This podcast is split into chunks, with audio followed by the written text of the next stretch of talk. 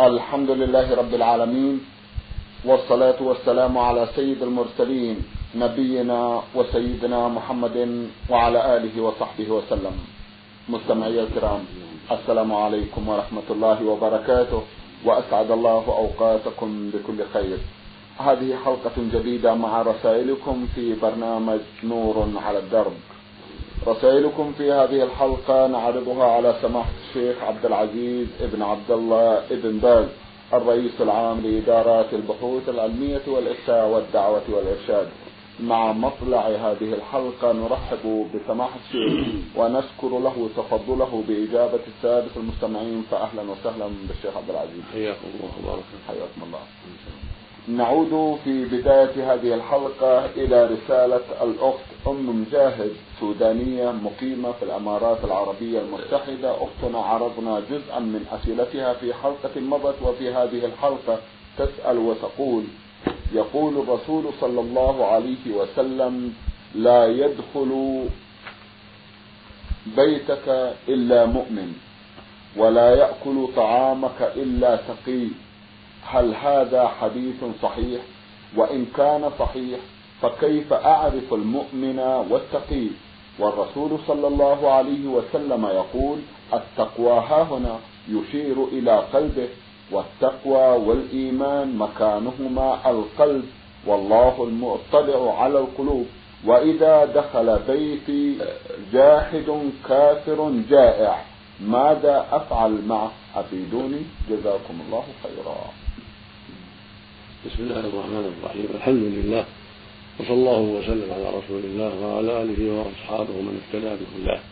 أما بعد فلفظ الحديث الثابت عن رسول الله عليه الصلاة والسلام لا تصاحب إلا مؤمنا ولا يأكل طعامك إلا تقي. لا تصاحب إلا مؤمنا ولا يأكل طعامك إلا تقي. ومعناه لا تتخذ الفساق أصحابا وإنما تتخذ الأخيار. أهل الصفات الحميدة أهل المحافظة على الصلوات الذين يحفظون ألسنتهم وجوارحهم عن محارم الله.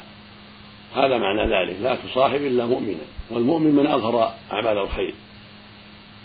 القلوب لا يعلم ما فيها إلا الله سبحانه وتعالى وليس للناس إلا الظاهر. فمن أظهر الاستقامة على دين الله بالمحافظة على الصلوات وأداء حق الله وترك محارم الله فهذا يقال له مؤمن ويقال له مسلم. ويقال له متقي أيضا. حسب ما ظهر له ظهر من أعمال. أما القلوب فإلى الله عز وجل. لا يعلم ما فيها إلا الله. وإنما يؤخذ الناس بما أظهروا من الأعمال. وقول النبي صلى الله عليه وسلم التقوى ها هنا. يعني أن أصل التقوى في القلب. متى صلح القلب صلحت الجوارح. ومتى فسد القلب فسدت الجوارح. النبي يشير إلى أنه ينبغي المؤمن أن يعتني بقلبه وأن يجتهد في صلاح قلبه وطهارته حتى تصلح أعماله وأقواله. كما في الحديث الآخر يقول صلى الله عليه وسلم إن الله لا ينظر إلى صوركم ولا إلى أموالكم ولكن ينظر إلى قلوبكم وأعمالكم. وفي اللفظ الآخر يقول صلى الله عليه وسلم ألا وإن الجسد مضغة إذا صلحت صلح الجسد كله. وإذا فسدت فسد الجسد كله ألا وهي القلب. متفق على صحته. فالقلب هو الأساس فمتى أمر بتقوى الله ومحبته وخشيته سبحانه والخوف منه والنصح له ولعباده استقامت الجوارح على دين الله وعلى فعل ما أوجب الله وعلى ترك ما حرم الله. وقوله ولا يكون طعامك إلا تقي لا تدعو إلى طعامك إلى الأخيار لا تدعو الفساق والكفار. قال العلماء هذا فيما يختار. يختاره الإنسان ويتخذه عادة له. أما الضيوف فله شأن آخر. الضيوف لا مانع من أن يقدم لهم الطعام وإن كانوا ليسوا أتقياء وإن كانوا فجارا وإن كانوا كفارا فالنبي صلى الله عليه وسلم يقدم عليه الضيوف من الكفرة وغير الكفرة ويطعمهم ويكرمهم عليه الصلاة والسلام. تعريفا لهم على الإسلام. وقد قال عليه الصلاة والسلام من كان يؤمن بالله واليوم الآخر فليكرم ضيفه. وإكرام الضيف مأمور به شرعا. ولو كان غير مسلم. وفي إكرامه دعوة إلى الإسلام. وتوجيه له إلى الخير. ليعرف محاسن الإسلام ومكارم الأخلاق. أما أن تتخذ أصحابا غير مسلمين يأكلون طعامك ويصحبونك فلا. قد قال عليه الصلاة والسلام في الحديث الآخر الصحيح مثل الجليس الصالح والجليس السوء كمثل حامل المسك ونافع الكيل فحامل المسك إما أن يحذيك أن يعطيك وإما أن تدفع منه وتشتري منه وإما أن تجد منه ريحا طيبة. أما نافع الكيل فإما أن يحرق ثيابك وإما أن تجد منه ريحا خبيثة. ويقول صلى الله عليه وسلم المرء على دين خليله لصاحبه. فلينظر أحدكم من يخالل فالمؤمن ينظر في أصحابه وأخلائه ويختار الأخيار الطيبين أهل الصلاة أهل الاستقامة أهل السمعة الحسنة حتى يعينه على طاعة الله وحتى يستثيره فيما يشكل عليه وحتى يتعاون معهم في الخير. ولا يتخذ أهل الفسق والكفر أصحابا وأولياء. لأنهم يضرونه ويجرونه إلى أباطيلهم. ولهذا قال صلى الله عليه وسلم لا تصاحب إلا مؤمنا ولا يكن طعامك إلا تقي. يعني حسب الاستطاعة وفي الاختيار. أما إذا هجم الضيف فإن الإنسان يكرم الضيف بما يليق بمقامه. ويدعوه إذا كان فاجرا أو كافرا يدعوه إلى الخير ينصح له يدعو إلى طاعة الله والاستقامة على دين إن كان فاسقا يدعو إلى الإسلام إن كان كافرا. قد جاء وفد ثقيف إلى النبي صلى الله عليه وسلم في المدينة وهم كفار فأكرمهم ودعاهم إلى الله عز وجل حتى أسلموا. فالضيف له شأن آخر. وكذلك قد يدعى الإنسان إلى وليمة. فيجتمع بأناس لا خير فيهم ولا فلا يضره ذلك لكونه لم يقصد صحبتهم وإنما جمعه معهم الطعام كما يجمعه معهم السوق والمساجد ونحو ذلك وهم فساق. فالحاصل أن الشيء الذي ينهى عنه هو أن يتخذ الفاجر أو الكافر صاحبا وصديقا يأكل طعامه ويزوره ويتزاور معه ونحو ذلك.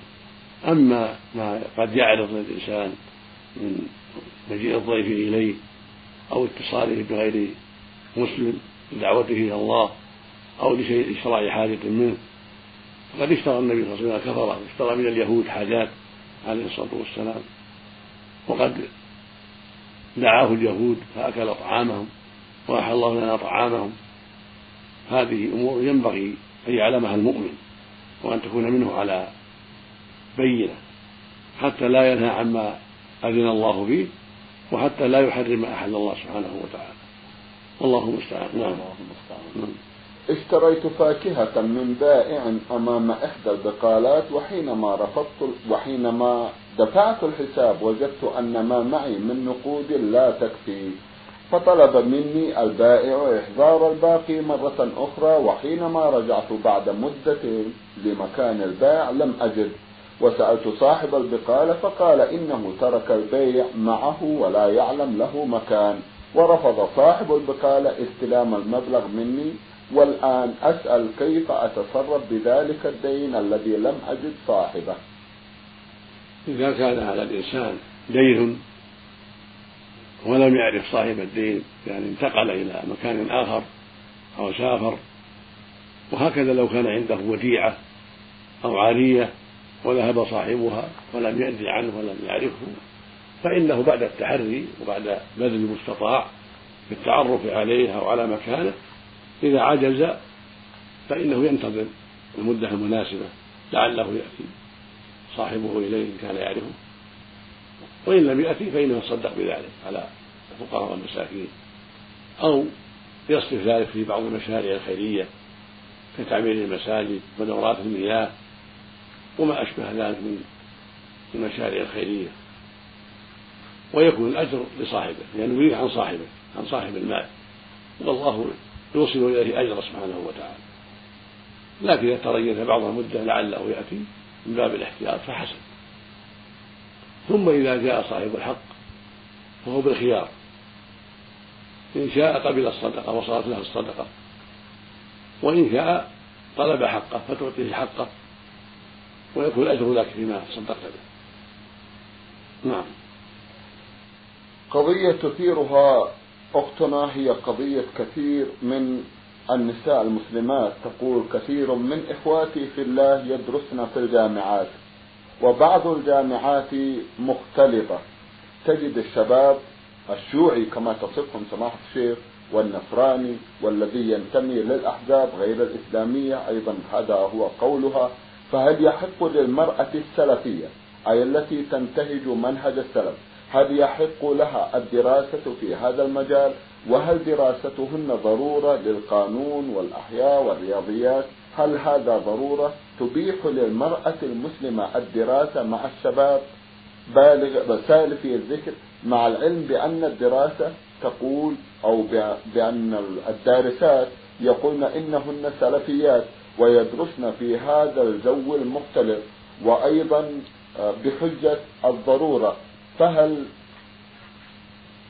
هل يبيح لهن الشرع ذلك مع أنهن لا يلتزم لا يلتزمن أيضا بلبس النقاب بانه ذلك بأنه ليس بضرورة كما يقول وترجو التوضيح في هذه القضايا جزاكم الله خيرا.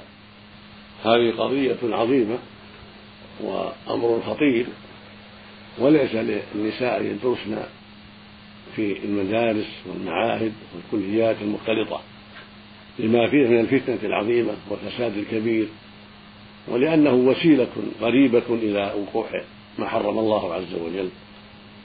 فلا يحس لهن أن يدرسن في هذه المدارس أو الكليات أو المعاهد بل يلتمسن الدراسة في جو آخر. من المدارس السليمة التي ليس فيها اختلاط أو بالمكاتبة بينها وبين أهل العلم حتى تسأل عن, عن دينها. أو بحضور حلقات العلم في المساجد وهن متحجبات مستورات كما كان في عهد النبي صلى الله عليه وسلم كان النساء في عهد النبي صلى الله عليه وسلم يصلين مع صلى الله عليه وسلم وهن متحجبات فإذا صلينا خرجنا يسمعن الخطبة ويسمعن العلم. أما دراستهن مع الرجال مختلطات هذا لا يجوز أبدا حتى ولو تحجبنا فكيف إذا كنا غير متحجبات؟ يكون الشر أكبر وأعظم.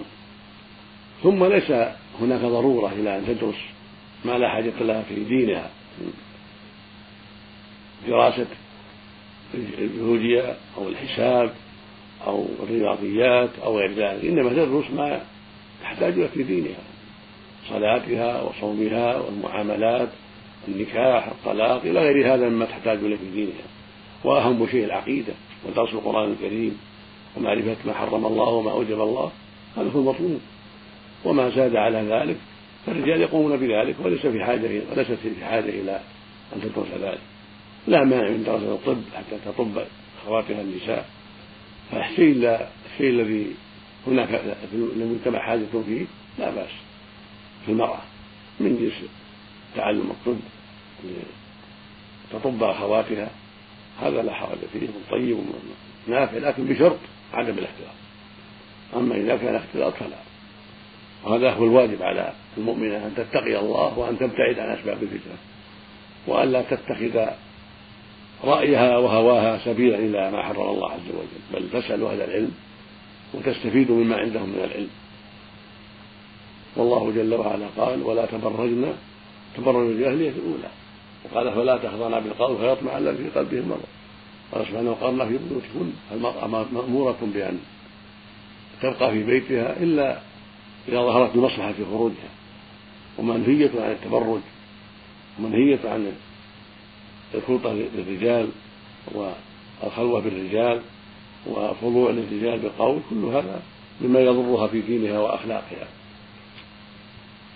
وقد قال عليه الصلاة والسلام صنفان من أهل النار لم أرهما رجال بأيديهم سياط كأنها من البقر يضرب بها الناس ونساء كاسيات عاريات مائلات مميلات رؤوسهن كأسنة البخت المائلة لا يدخلن الجنة ولا يجدن ريحها وإن ريحها لا يوجد من كذا وكذا فبين صلى الله عليه وسلم أن هذا الصنف من النساء وهن الكاسيات والعاريات عاريات المائلات على الحق والمويلات إلى الباطل هم من من أهل النار من المتوعدين بالنار لعدم قيامهن بواجب الستر والحجاب.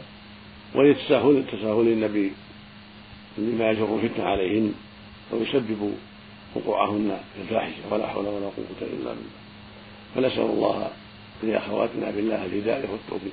الله الأخ ياسين عبد الرحيم أحمد يسأل ويقول يصف بعض الناس في منطقتهم دواء لكنه نجس. واستعمله البعض فعوفي ولا سيما أولئك الذين لهم حبيبات في وجوههم. ويسأل عن التوجيه لو تكرمتم شيخ عبد العزيز. يصف إيش؟ يقول إن هناك من يصف أدوية نجسة ولا سيما لأولئك الذين لهم حبيبات في وجوههم. ويسأل عن التوجيه. هذا لا يجوز. التداوي بالحرام والنجاسات أمر ممكن لا يجوز. لأن الرسول عليه السلام قال عباد الله تداووا ولا تداووا بحرام. قال إن الله لم يجعل شفاءكم فيما حرم عليكم. وسأله رجل عن الخمر يصنعها للدواء فقال إنها ليست بدواء ولكنها داء. فلا يجوز لمسلم ولا لمسلم أن يتداووا بالحرام لا من الأبوال ولا من العذرة ولا من الدماء ولا من سائر النجاسات. الدواء يكون بالمباح والطاهر. وعلى من أصيب بشيء من الدواء يسأل أهل خبرة من الأطباء وأهل الاختصاص والله جل وعلا ما أنزل داء إلا أنزله شفاء كما قاله النبي صلى الله عليه وسلم. يلتمس من أهل الطب من يعرف داءه حتى يعطيه الدواء المناسب ولا ييأس ولا يعمل بما يغضب الله عليه جل وعلا ولكن يتصبر ويتحمل حتى يسهل الله له الشفاء. أما التساهل مع الناس والأخذ بما يقوله الناس من الرخص الباطلة التي لا أساس لها هذا لا يجوز. وليس العامة قدوة في هذه الأمور. إذا إذا فعلوا الأدوية الرديئة النجسة والمحرمة هذا ليسوا هؤلاء ليسوا بقدوة ولا يجوز تقليدهم في ذلك ولا متابعتهم في ذلك. والله المستعان. الله المستعان. سؤال بقي لأخينا دال ميم ميم يقول فيه إذا أردت الزواج من بنت وهي ملتزمة بالحجاب ولكن ليست من منطقتي ولا أعرف هل هي جميلة أم لا هل يصح النظر إليها إذا كان قد عزمت على الزواج منها وكيف يكون ذلك؟ جزاكم الله خيرا. نعم يشرع لك النظر إليها. إذا خطبت امرأة أو أردت أن تخطبها يشرع لك النظر إليها إذا تيسر ذلك. النبي صلى الله عليه وسلم قال إذا خطب أحد المرأة فإن استطاع أن ينظر منها إلى ما يدعو إلى نكاحه فليفعل. وذكر له رجل أنه خطب امرأة وقال أنا نظرت إليها. قال لا قال لا تنظر إليها. فالمشروع لك أن تنظر إليها إن تيسر ذلك وإلا ففي إمكانك أن تبعث لإيقاف النساء أو من محارمها إن كنت تعرف محارمها من يعطيك الخبر. فتبعث المرأة من قاربك وأمك وخالتك وعمتك وأختك تنظر إليها ثم تعطيك صفاتها. أو تسأل محارمها يعطونك صفاتها. فإذا تيسر لك النظر إليها من دون خلوة فلا بأس. تطلب من أبيها أو أمها أو أخيها أو نحو ذلك أن يسمح لك بالنظر إليها لكن من دون خلوة فتنظر إليها بحضرة أبيها أو أمها أو أخيها أو غيرهم من الناس من دون خلوة. نعم. رسالة وصلت إلى البرنامج من القنفذة باعثها أخونا بحان فيما يبدو علي ذاكر. أخونا يسأل ويقول كنت متزوجا امرأة لكن حدث بيننا خلاف وطلقتها. وكانت صيغة الطلاق التي تمت أنت طالق بالثلاث مرة واحدة فقط. وقد مضى على ذلك أكثر من عشر سنين.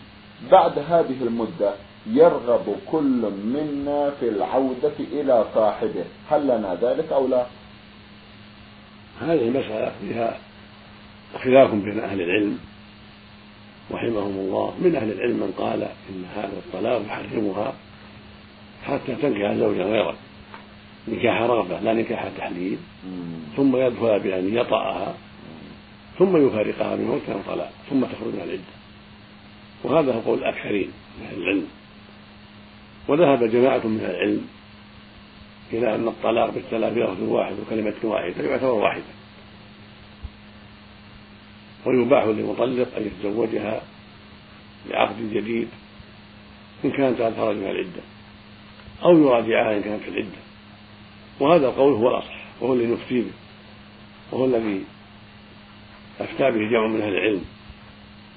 وصح عن ابن عباس في رواية أنه أفتى بذلك وأفتى به جماعة. وهم قول طاووس بن كيسان التابعي الجليل كلاس بن عمرو. وجماعة من العلم. واختاره شيخ الإسلام ابن تيمية رحمة الله عليه والعلامة ابن القيم رحمه الله وجماعة من العلم. والحجة في ذلك ما رواه مسلم في صحيحه. عن ابن عباس رضي الله عنهما قال كان الطلاق على عهد النبي صلى الله عليه وسلم وعهد أبي بكر وسنتين من عمر طلاق الثلاث واحدة. يعني يعتبر واحدة. ثم إن عمر رضي الله عنه قال إن الناس قد استعجلوا في أمر كانت له في أناه فلو أمضيناه عليهم فأمضاه عليهم.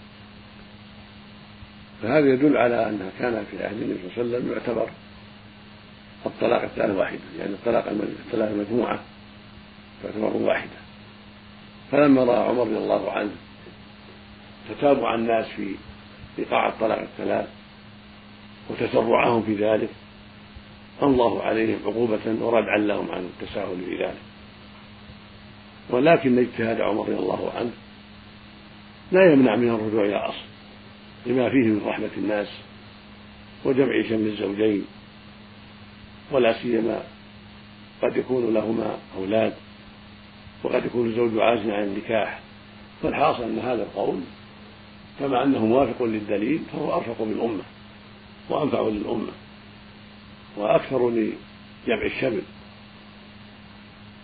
فيجوز اعتبارها واحدة ويراجعها الزوج ما دامت في العدة فإن كانت قد خرجت من العدة لم تحل إلا بنكاح جديد هذا هو الأرجح من القولين. أما إذا فرقها طالق ثم طالق ثم طالق أو طلق ثم راجع ثم طلق ثم راجع ثم طلق الثالثة تحرم عليه إلا بعد زوج لقوله سبحانه فإن طلقها فلا تحلهم بعد حتى تنكح زوجا غيره. هذه الثالثة. طلق إليه الثالثة. يعني قبلها قال الطلاق مرتان. في شر معروف وتسريح بإحسان ثم قال بعد هذا سبحانه فإن طلقها فلا تحلهم بعد حتى تنكح زوجا غيره. يعني حتى تنكح نكاح رابع وحتى يجامعها. لأنه ثبت عن النبي صلى الله عليه وسلم أن امرأة اشتكت عليه أن أنها طلقت من زوجها الأول طلاقا باتا وأنها نكحت شخصا بعده لم يجامعها. فقال لا حتى تذوق عسيلته ويذوق عسيلتك.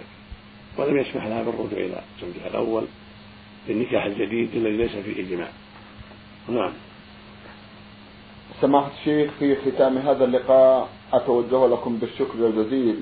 بعد شكر الله سبحانه وتعالى على تفضلكم بإجابة السادة المستمعين وآمل أن يتجدد اللقاء وأنتم دائما على خير.